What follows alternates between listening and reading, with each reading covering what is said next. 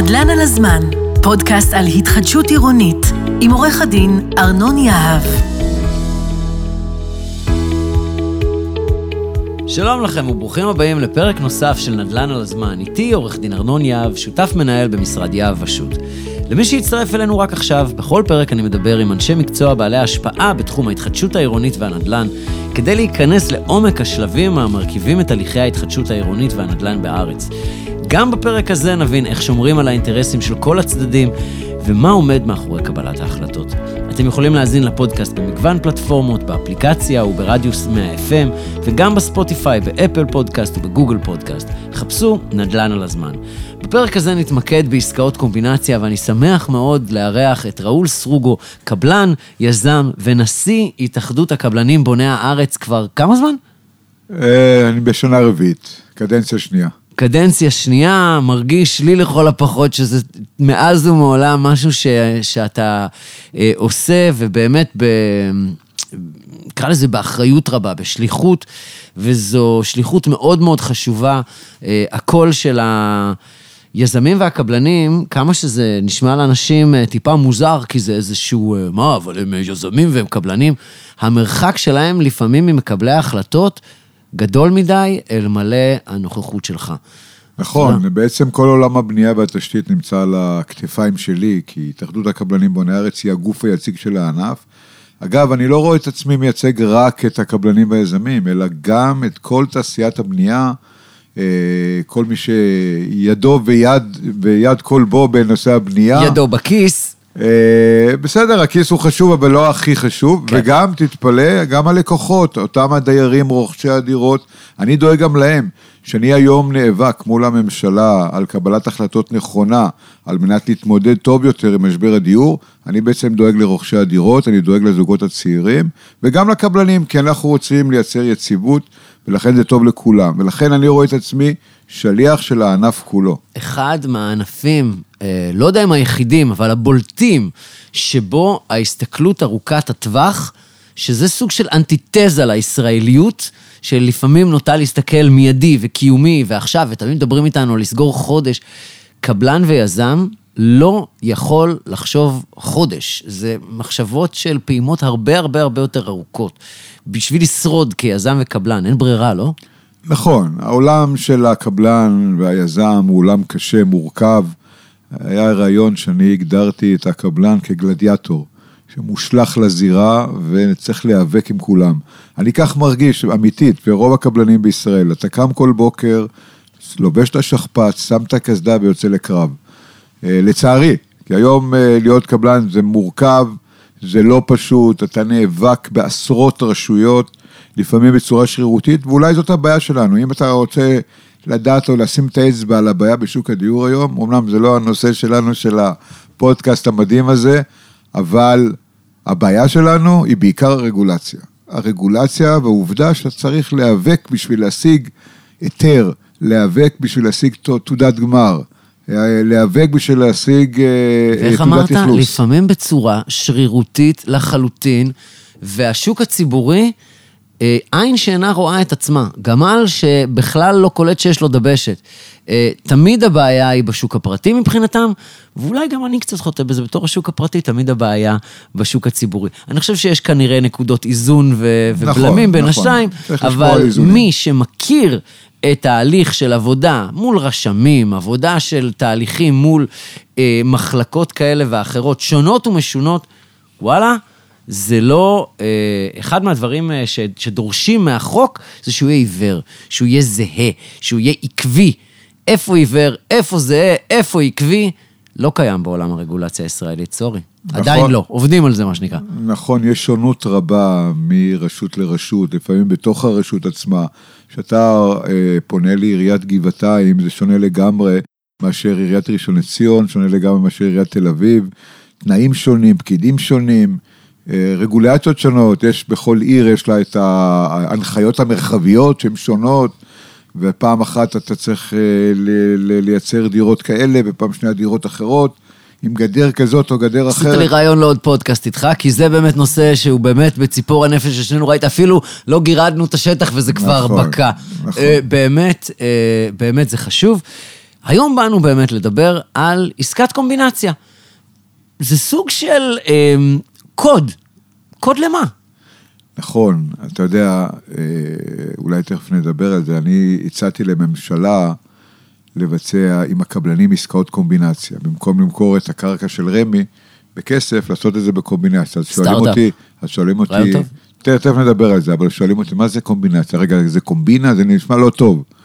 אז קומבינציה, אה, למרות שזה דומה... שמחה, שתדבר יותר בשקט, נעשה למרות שזה קומבינה דומה אחר כך. לקומבינה, זה ממש לא קומבינה. עסקת קומבינציה זה סוג של עסקה שכבר קיים בשוק כבר עשרות שנים. זה בעצם שילוב, ולכן קוראים לזה קומבינציה של עסקת בכסף עם שירותי בנייה. זאת אומרת, הוא מיועד בעיקר לבעלי קרקע שרוצים למכור את הנכס שלהם, אבל עדיין להישאר עם נכס נדל"ני.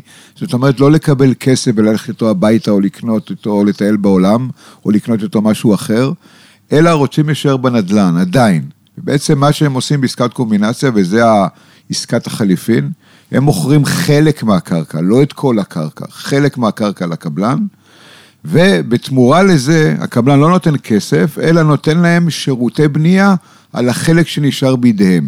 ובעצם זאת הקומבינציה, אה, ובעל הקרקע יוצא במקום בכסף, הוא יוצא עם דירות מהעסקה. אז אני חושב שיש לנו פה גם איזשהו אב רוחני לצורך העניין להתחדשות עירונית.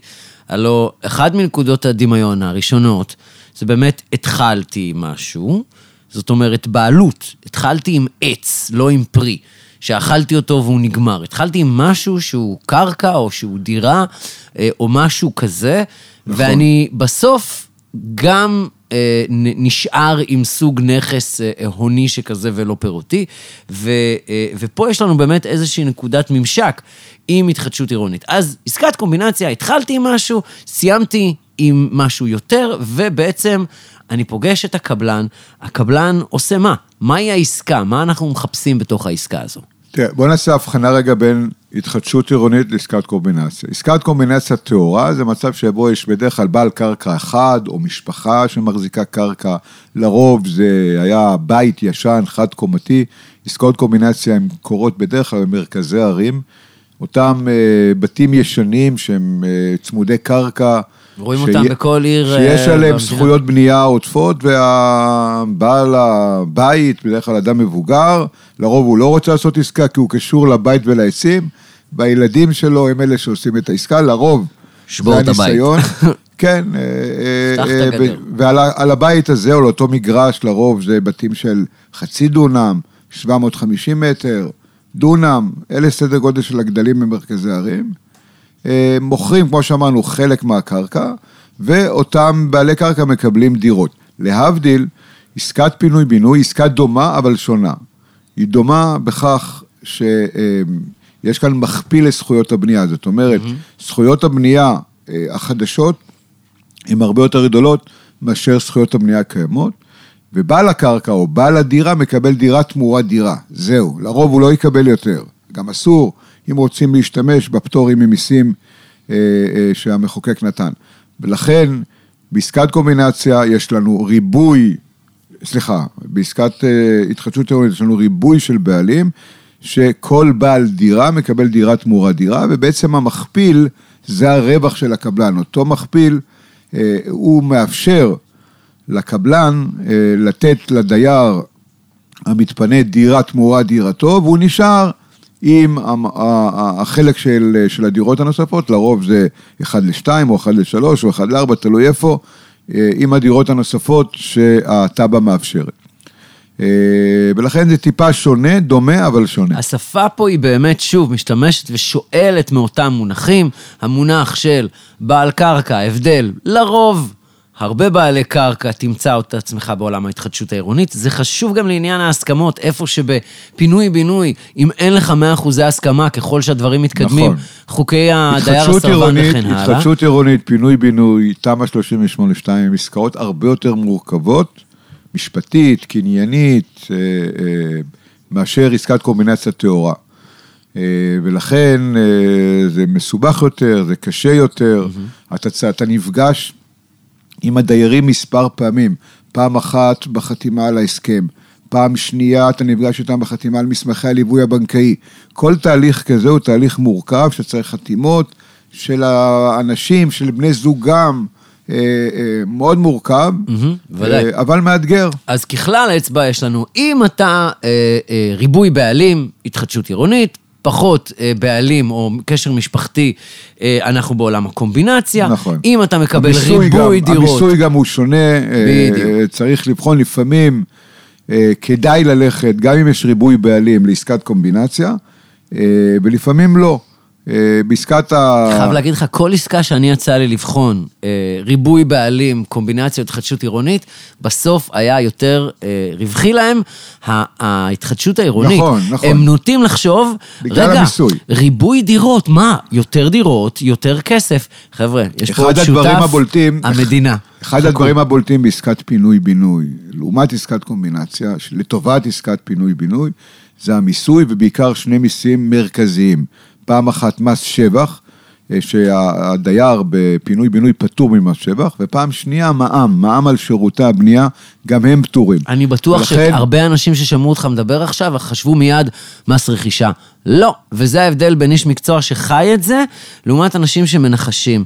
זה בדיוק זה, המע"מ. בוא, אני אשמח נכון. שתפרט על זה קצת יותר בתור ה... מה ההטבה של המע"מ. לדוגמה, לא פטור מע"מ, מע"מ בשיעור אפס. מע"מ בשיעור אפס, כן. אה, ראשית, מה זה המע"מ על שירותי הבנייה? הרי אמרנו שהקבלן אה, משלם בתמורה לקרקע שהוא קיבל שירותי בנייה לחלק הקרקע שנמצא בידי הבעלים, שנשאר בידי הבעלים. ובעצם שירותי הבנייה האלה חייבים במע"מ. אז בעסקת קומבינציה, יש תשלום של מע"מ עבור שירותי הבנייה, לרוב משלם אותו בעל הקרקע, אבל לפעמים הוא מעביר אותו במסגרת ההסכם ביניהם לקבלן. בעסקה של פינוי-בינוי, אה, יש מע"מ בשיעור אפס על שירותי הבנייה. עכשיו, למה, מה ההבדל בין מע"מ בשיעור אפס לפטור ממע"מ? בפטור ממע"מ, אכן לא ישולם מע"מ בגין העסקה של שירותי הבנייה, אבל אז הקבלן לא יוכל לקזז את תשומות הבנייה באותו השיעור יחסית לכל הבניין. במע"מ בשיעור אפס מותר, המע"מ על עסקת השירותי הבנייה הוא אפס באמת, וכן מותר לו לקזז את תשומות הבנייה על עלויות הבנייה שעלו לו בפועל. זה ההבדל, זאת הטבה של ממש. וזה הבדל אדיר, וזה כן. הבדל אדיר שאני חושב הרבה מאוד אנשים, מה זאת אומרת, רגע, פטור זה אפס, ואפס זה אפס, סוג של מתמטיקה 2 שווה 2, וממש לא ככה בעולם נכון, הבנייה. נכון, נכון. בעבר נתנו פטור על אה, עסקאות פינוי-בינוי, ואנחנו בהתאחדות הקבלנים נזעקנו, אמרנו, "חבר'ה, זה- זה זה לא פעם." הטבה של ממש. כן, זה יותר גרוע. לא, אני לא יודע יותר גרוע, אבל זה סך אוקיי. הכל נתתם פטור על הפער בין מע"מ העסקאות למע"מ התשומות, זה זניח לגמרי. ולכן פעלנו, ובאמת המדינה הבינה שלקדם ש- אה, התחדשות עירונית, היא צריכה לתת אה, תמריצים אמיתיים, ולכן היא קבעה מע"מ בשיעור אפס. וזה עונג אה, לשבת עם בן אדם שבאמת עשה את זה בעשר אצבעותיו, ובשיחות אה, ארוכות, ומה שנקרא תרומה לקהילה, אני לפעמים אה, פוגש נבחרי זאת- ציבור זאת שעשו הרבה דוגמה- פחות. זו דוגמה לפעילות של התאחדות הקבלנים בוני הארץ, אה, אה, שבאה אה, לכל, לתת, לתת בעצם הטבה לכל הענף ולקדם פרויקטים. היום למשל אנחנו עוסקים, שוב, זה לא הנושא, אולי זה הפודקאסט הבא, בנושא של דיור בר השגה. התאחדות הקבלנים בוני הארץ הולכת לקדם חוק לדיור בר השגה בישראל, דיור בר השגה אמיתי, כמו שמקובל בארצות הברית ובמדינות אחרות בעולם, וזה ענף שלם שעומד בפני עצמו, שגם מעסיק עורכי דין וקבלנים שאמורים לקבל תמריצים על הפרויקטים האלה, כמו שהיום סביב תמ"א 38 בפינוי-בינוי נוצרה תעשייה שלמה, כך תהיה תעשייה שלמה סביב הדיור בר השגה. לא שמעתם את זה פה קודם. אה, בסדר, מעניין. נכון, נכון, פעם מעניין. ראשונה פה בתוכנית הזאת. מעניין, תודה רבה. אה, ובעסקאות הקומבינציה שלנו. איך אני, איך אני שואל את עצמי, מה אני צריך לשאול את עצמי? אז אני אחד הילדים, או נפלתי על כזה נכס, שווה לי? מה אני, מה אני, האם זה אפשרי? מה אתה חושב, מה אתה ממליץ לאותם בעלי הקרקע, או אפילו לקבלנים צעירים שאופורטוניסטים, אם נקרא להם ככה, זו מילה שהיא בסדר, אה, לבחון, בוא, לשאול. בוא נעשה הבחנה, קודם כל, בין בעלי הקרקע לבין הקבלן והיזם. בראייה של בעל הקרקע, אה, יש לו נכס, אדמה, בית על אדמה, והוא צריך לשאול את עצמו, מה האפשרויות שלו אה, לממש את הקרקע או לממש פה עסקה. ויש כאן באמת מגוון רחב של אפשרויות אה, שהוא יכול לעשות. בצד אחד של המגוון הזה, הוא יכול למכור בכסף את הקרקע. למרבה במחיר, יעשה סוג של מכרז, יבקש הצעות מחיר, משלמים לו כסף, הוא לוקח את הכסף ויוצא מהעסקה. זאת אפשרות אחת שהיא קיימת, מתוך מנעד האפשרויות. take the money and run. בקצה השני, בקצה, לא מאוד יהודי, דרך אגב. בקצה השני, האפשרות שלו זה להיות יזם בעצמו. אה, זה כבר מאוד ישראלי. להביא קבלן, להביא, לעשות תכנון, להביא קבלן, שיבנה מה זאת אומרת, עבורו. שמעתי את ראול ברדיו, אני כבר יזם. כן. זהו, זה כל אחד יכול להיות ההכנה. יזם. זו כל אחד יכול ההכנה ליזם אם יש לך הישראלי. כסף לשלם עבור שירותי הבנייה, גם אם אין לך את, את כל עלות הבנייה, גם חלק Wrong. ממנה, אתה יכול להיכנס Wrong. לליווי בנקאי ולגייס כסף מהבנק או משוק ההון, ולהזמין קבלן שיבנה עבורך כבעל קרקע את כל הדירות בפרויקט. זה בצד השני של המנעד. עסקת קומבינציה היא בעצם נמצאת באמצע, היא סוג של להיות יזם ולמכור חלק מהקרקע. עכשיו, הסיכון שונה בכל אפשרות. בעסקת המזומן, שהבעל הקרקע מוכר במזומן את כל, הכס, את כל הקרקע, הסיכון שלו הוא נמוך מאוד, כי הוא מקבל כסף והולך הביתה. זה לא משנה האם יעלו המחירי הדירות, לא יעלו המחירי הדירות, כן יעלה עלות הבנייה ככה, לא יעלה עלות הבנייה ככה. הוא מקבל כסף והולך, וגם אם הקבלן אחר כך יפשוט את הרגל, זה לא מעניין אותו. הוא קיבל את הכסף ויצא. אז הסיכון הוא נמוך. בצד השני של המתרס, כאשר הוא מזמין שירותי בנייה ובונה על ידי קבלן מטעמו את כל הדירות עבורו, כאן הסיכון הוא הכי גבוה, כי הוא לוקח סיכון, הרבה סיכונים. פעם אחת, מחירי הדירות, שהדירות שהוא בונה יכולים לרדת. זאת אומרת, היום אם מוכר קרקע שמבוססת על מחירי דירות מסוימים, אם, אם יהיה ירידה של מחירי הדירות, אז בעצם הוא בנה על מחיר דירות מסוים, עכשיו הוא יקבל פחות. פעם אות, שנייה, אה, הקבלן... כן, שמרחפת על כל התחום. פעם שנייה, אם הוא ייקלע לסיטואציה כמו שנקלעו בשנה האחרונה במשבר אוקראינה, שפתאום תשומות הבנייה עלו בצורה מטורפת, מחיר הברזל עלה, מחיר הבטון עלה, עלות הבנייה חשב שהיה לו X, עכשיו זה עולה לו X ועוד 30 אחוז, הוא לא לקח את זה בחשבון. והסיכון תמיד שקיים, שהקבלן יקרה לו משהו, הוא צריך אה, להחליף את הקבלן, להוציא אותו, אה, אה, סיכון של לוחות זמנים, הרבה מאוד סיכונים. בעסקת קומבינציה, אתה עושה אה, שעטנז בין שני סוגי העסקאות שהזכרתי, ובעצם גם אתה מקטין את הסיכון שלך. אמנם הסיכון שלך הוא לא אפס, אבל הוא גם לא כמו זה שבונה לעצמו את הבית, את הבניין אה, לגמרי. והיום בעידן של הליווי הבנקאי, גם הבנק יוריד את הסיכון לאפס, כי הוא בעצם סוגר את כל העסקה ותופר אותה. ברגע שיש ליווי בנקאי לפרויקט, כנראה שהבניין יסתיים, הבנק יביא את המימון, גם אם עלויות הבנייה יעלו, ובעצם אה, בעסקת קומבינציה אתה נהנה מרווח גבוה יותר מאשר בעסקת מזומן, אמנם לא כמו אה, אה, שתבנה לעצמך את כל הבניין, אבל עדיין אתה אה, תמכור ושווי הדירות שלך יהיה גבוה יותר, ולכן זה כדאי לבעל הקרקע. זאת אומרת, מה אני אומר בעצם לבעל קרקע? אם הוא לא צריך את הכסף, אין לו איזושהי תוכנית להשתמש בכסף לכל מיני מטרות, עדיף לו עסקת קומבינציה, כי התמורה שהוא יקבל, שווי הדירות שהוא יקבל, הרבה יותר גבוה מ... אה, אם יש לך זמן, ואתה יש צריך לך זמן. שלוש או ארבע שנים, כן.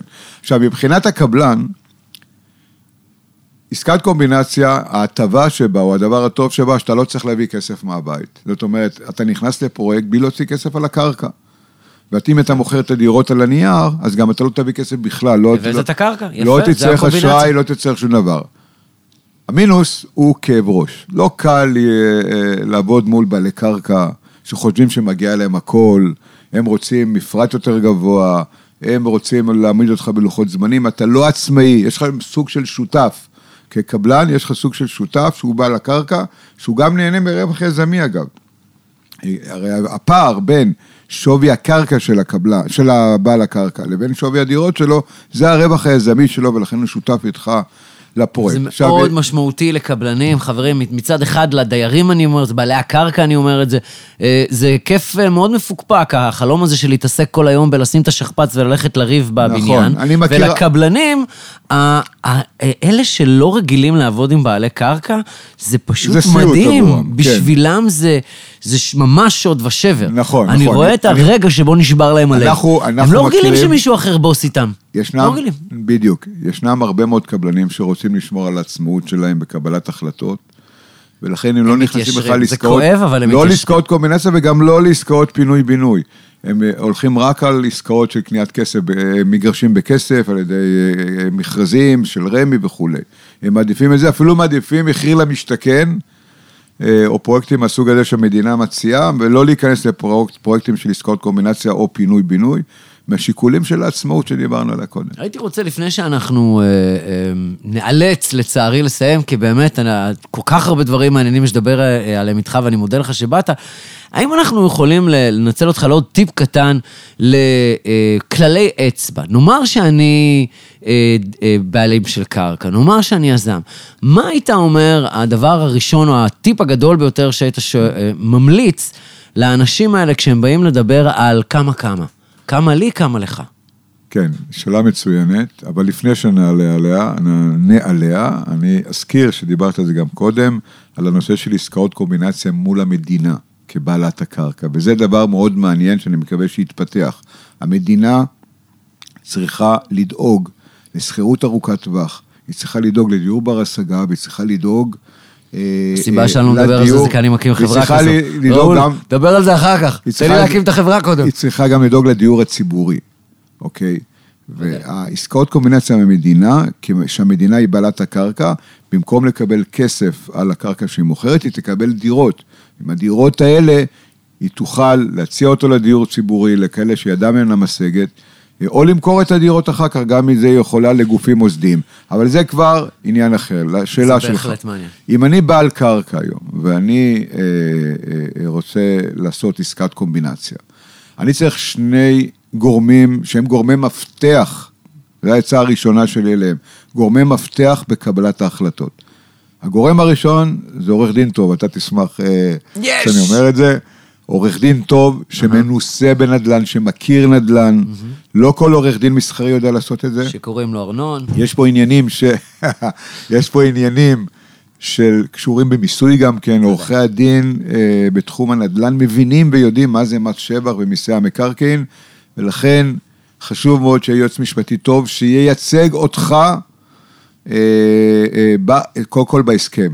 לפעמים, יש, הקבלנים, אני עשיתי את זה בעבר, ובגלל שזה היה אני, אז לא קרה כלום, שום דבר רע, אבל יש קבלנים שמציעים לבעל לך. הקרקע, עורך דין אחד שייצג את שני הצדדים, אוקיי? זה היה טוב, זה היה, זה לא, עבד, זה לא. עבד, רגע, זה עבד טוב בעבר, אה, אה, כשיש אמון מלא בין הצדדים, וששני הצדדים הם אנשים ישרים, נתחיל מזה. ולצערי הרב, התפתח פה, אה, אה, אה, זה גם בגלל הרגולציה, תהליך של ניגוד עניינים, ולכן חייבים לכל צד בעורך דין שלו. זאת אומרת, שתקפיד שיהיה לך עורך דין משלך, זה אחד. הבעל מקצוע השני שאתה צריך זה שמאי. שמאי טוב שיעשה הערכה עבורך, איך אפשר לנצל טוב את הקרקע, מה שווי הקרקע, מה אתה אמור לקבל. גם בדרך כלל שני הצדדים במסגרת העסקה, לגבי מנגנון החלוקה ביניהם, הם ממנים, ממנים שמאי אה, מוסכם ביניהם, שיעריך את שווי הדירות כן. שעל בסיסו עושים את עסקת הקומבינציה. ולכן אתה צריך שיהיה לך שמאי מקצר הליכים השמאי המוסכם, אני בעד. שני עורכי דין, שמאי ש- אחד. כן, יכול להיות שמאי אחד שייצג את שניהם, או שמאי מטעמך שילווה אותך מול השמאי המכריע, השמאי המוסכם, סליחה, אה, שיהיה. אז זאת, זאת העצה הראשונה. העצה השנייה שאני אומר, אל, ופה אני אומר דווקא מהכובע שלך כבעל קרקע, אל תמתח את החבל יותר מדי מול הקבלן. זאת אומרת, אל תאלץ אותו ללוחות זמנים קצרים מדי, שבסופו של דבר הוא לא יעמוד בהם. אל תדרוש ממנו דרישות מוגזמות מבחינת המפרט הטכני.